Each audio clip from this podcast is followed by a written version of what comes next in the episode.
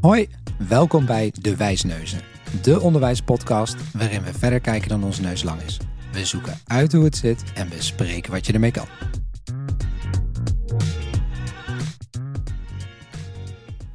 Welkom bij de achttiende aflevering van De Wijsneuzen. Mijn naam is Wessel En mijn naam is Linda. en in deze aflevering gaan we het hebben over hoe organiseer je waardevolle feedback in een grote groep.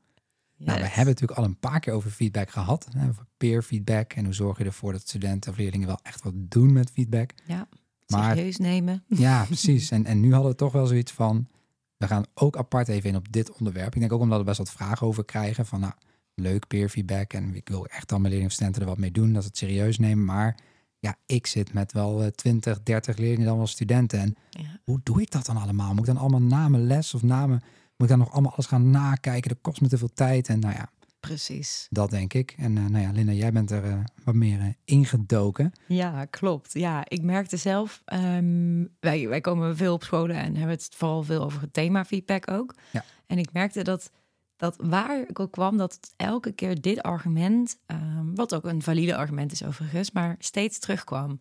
Van, maar het kost me zoveel tijd en zoveel werk. En hoe doe ik dat dan? Ik heb wel 40. Nou ja, hè? Ja. wat je net ook al aangaf. En ik dacht van, ja, we moeten daar toch een goed antwoord op hebben. Want ja, dus daar, nou, vandaar dat het eh, voor mij ook een leuke reden was om er weer even in te duiken.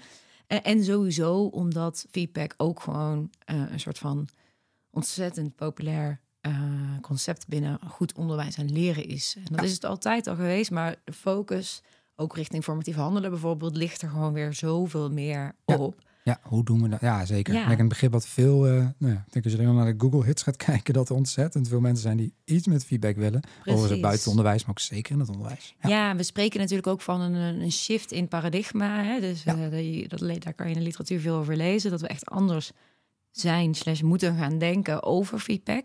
Ja. Ehm, ik denk in onze, in onze tijd op school, op scholen, eh, toen we gewoon nog student of leerling waren, toen was de feedback heel anders dan dat je nu gesprek over hoort. Dus Ja. ja, het is ook wel eh, daarin een, eh, een mooie om eh, ook te zien van, nou goed, hoe pak je dat dan ook aan in een grote groep? ja, ja. Nou, Ehm, neem ons mee. ja, precies. Ga ik doen. Nou, ik denk dat een van de grootste aannames die ons in de weg zit, als je het hebt over effectieve en waardevolle feedback, is dat we het idee hebben als docent zelf dat wij verantwoordelijk zijn voor het corrigeren van al het werk van onze leerlingen en studenten. Ja. Dat we daar een heel groot verantwoordelijkheidsgevoel voor voelen. Ja, belangrijk. Ja, ik denk het vaak wel inderdaad. Daarom gaan mensen ook veel willen administreren en allemaal individueel. En dan moet ik, allemaal, moet ik het allemaal nakijken. Ja, Ja. zeker. Precies. Hè? Het gaat bijna soms meer om dat wij ervoor zorgen dat het product of eh, de presentatie of whatever die student moet doen, dat die heel goed wordt. Ja. In plaats van dat wij willen dat die student die presentatie of product uiteindelijk zelf goed kan maken. Ehm, en die, dat vind ik een hele interessante ook om als uitgangspunt te pakken. Ehm, want als jij dus het gevoel hebt, ik heb zo'n grote klas, ik heb niet de tijd om al, mijn, al het werk van mijn studenten de hele tijd na te kijken en feedback te geven, dan leg jij dus heel veel van die verantwoordelijkheid bij jezelf neer. Op de lange termijn, waar leert een student of leerling het meest van? Dat is ja, Precies. En dat is volgens mij een hele mooie eh, om daar eens even bij terug te pakken. Want als je kijkt naar de definitie die we nu vaak hanteren rondom feedback, dan spreken we van een proces. Eh, daar kwam, ben ik in de tweede aflevering ook diep op ingegaan. Ja. We spreken van een proces dat leerlingen of studenten informatie geeft om zijn eigen waarde op waarde te kunnen schatten en te kunnen verbeteren. Ja. En als je naar die definitie kijkt, dan heeft het dus helemaal niks te maken met dat jij met jouw feedback ervoor zorgt dat een bepaald product beter is. Nee, sterker nog, ik zeg zo- zo'n product is eigenlijk een, een handeling of wat je of een product, dat is een, eh, een middel en geen doel. Het is een middel waardoor je, nou ja, ook leert dingen, leert dingen laten zien. Dat is een, een, een vehikel eigenlijk. En dus het product moet niet optimaal zijn. Jij moet door dat product moet je wat leren. Ja, Dat, precies. zodat je volgende keer weer een keer een beter product of een heel ander type product. Ja. Precies. Dus als je die definitie echt hanteert en je die beetpakt bij het organiseren van feedback, als je veel leerlingen of studenten hebt, Ja. dan wil je eigenlijk veel meer in gaan zoomen op dat eh, ja, dialogische karakter wat feedback heeft. Ehm, en dat is iets eh, wat je kan doen door, nou, bijvoorbeeld, zoals we hebben, al eerder over hebben gehad, veel meer gebruik te maken van peer feedback. Ehm, of veel meer te gaan werken met zelfevaluatie.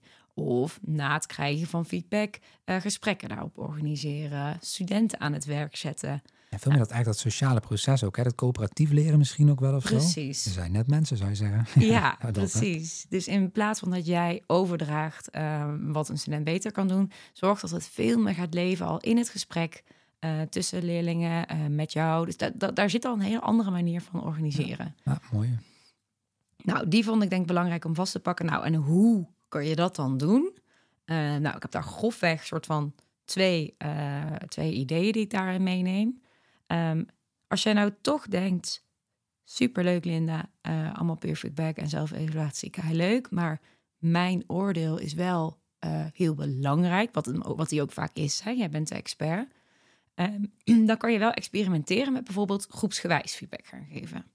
Dat scheelt in je organisatie gewoon al heel veel tijd.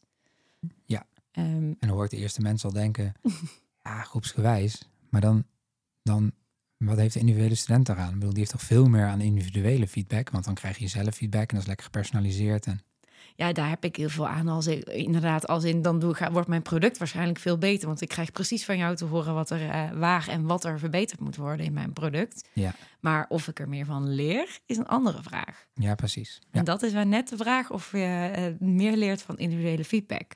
Ja. Ehm, want het denken zit aan de kant van de docent. En nog niet zozeer aan mijn kant als student. Als je nou zegt van, oké, ik wil wel een keer een poging gaan wagen met groepsgewijs feedback geven. Nou, hoe kan je dat dan doen? Ehm, nou, wat ik een heel mooi en leuk voorbeeld vond, en daar is trouwens ook best wel mooi onderzoek ook veel naar gedaan, is ehm, eh, een sample pakken van al het werk van je leerlingen en studenten. Dus je pakt er gewoon een paar uit. ja, En daar baseer jij je groepsgewijze feedback op. En dit punt, dit kan je al, al, doen.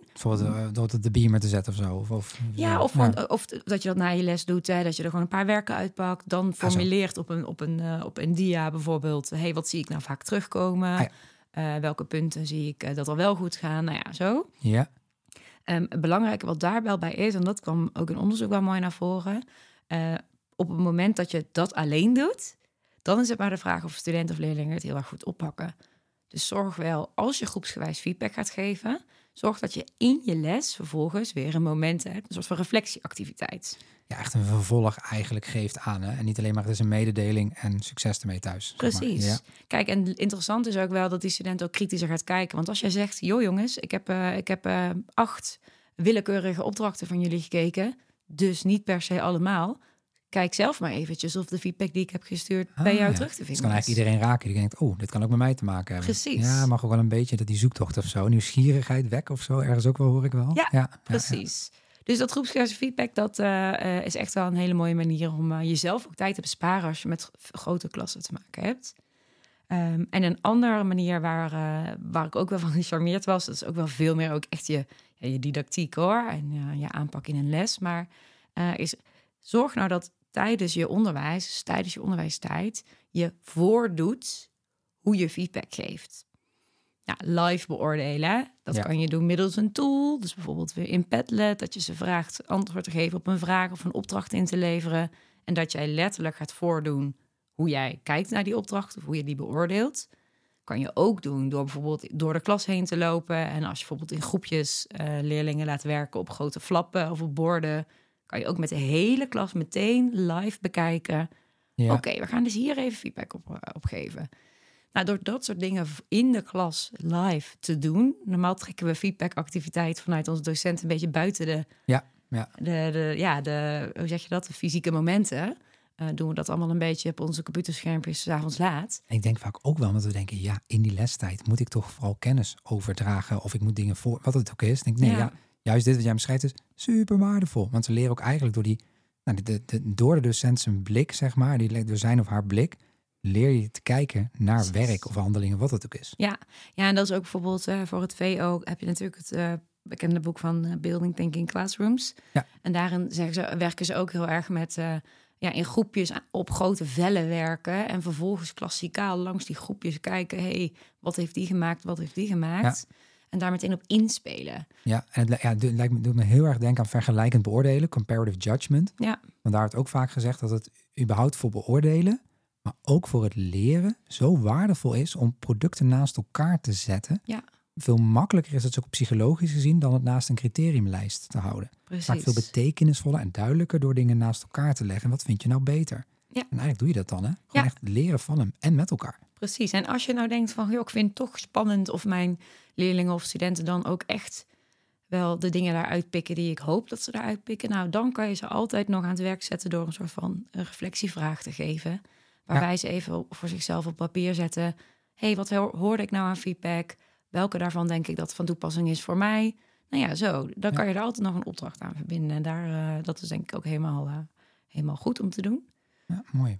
Ja, dus dat is vooral het stukje als je, eh, je groep, als je grote groepen feedback wil organiseren. Nou, ga daar eens mee experimenteren, groepsgewijze feedback.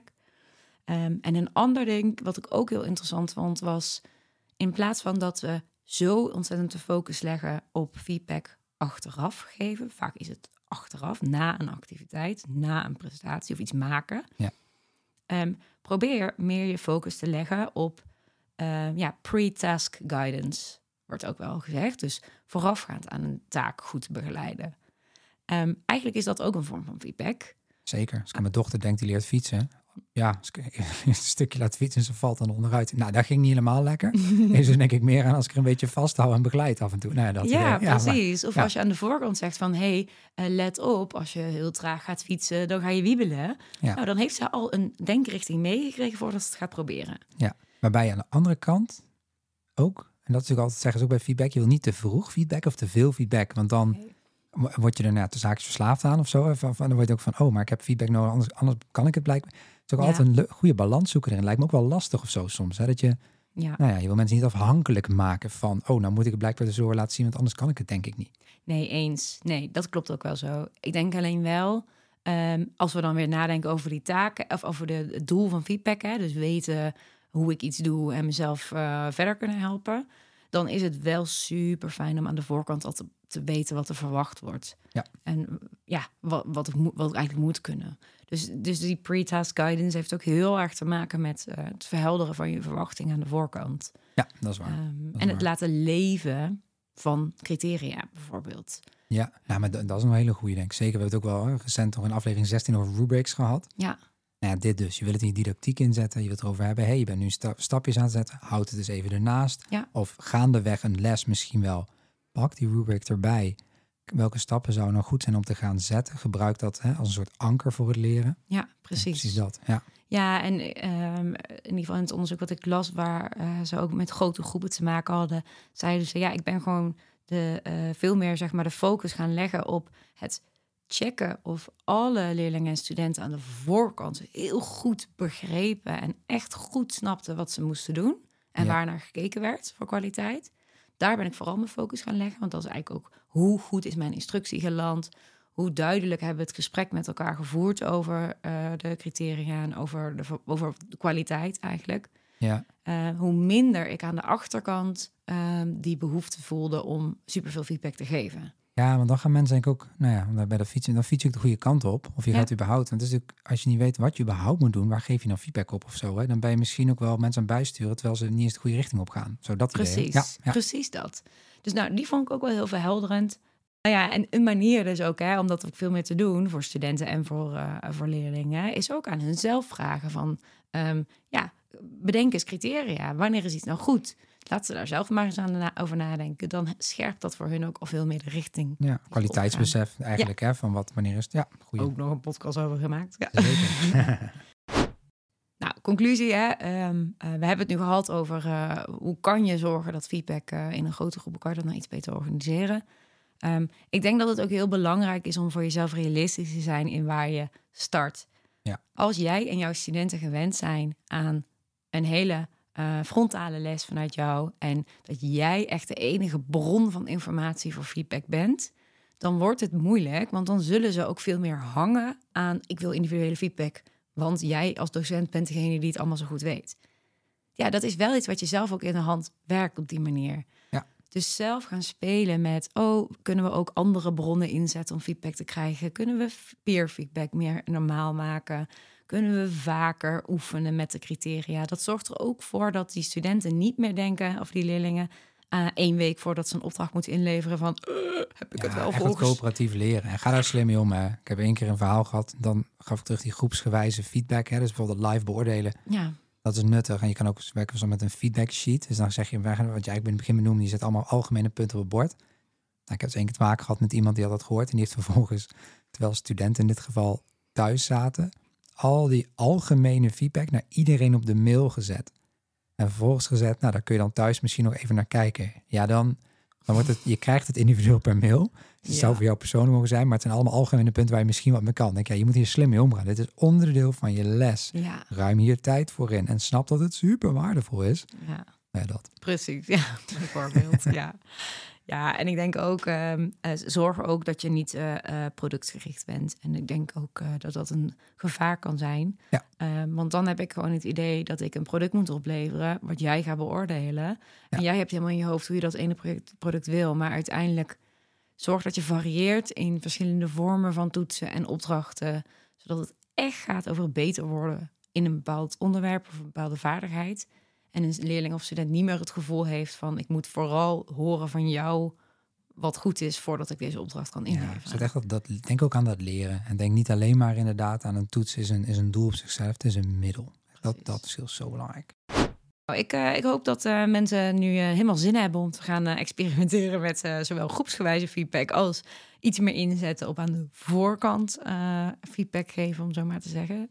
Die pre-task guidance. En ja, ik hoop dat het een beetje heeft geholpen. Nou, volgens mij wel. Fijn, uh, lekker uh, compact, overzichtelijk uh, van wat je kan doen, wat het kan opleveren. Um, nou, en ook bij, bij het artikel van deze podcast zullen we denk ik weer wat werkvormen neerzetten. Die zijn al een paar genoemd en nog wat aanvullend die je kan gebruiken. Zeker. Volgens mij heel erg helder.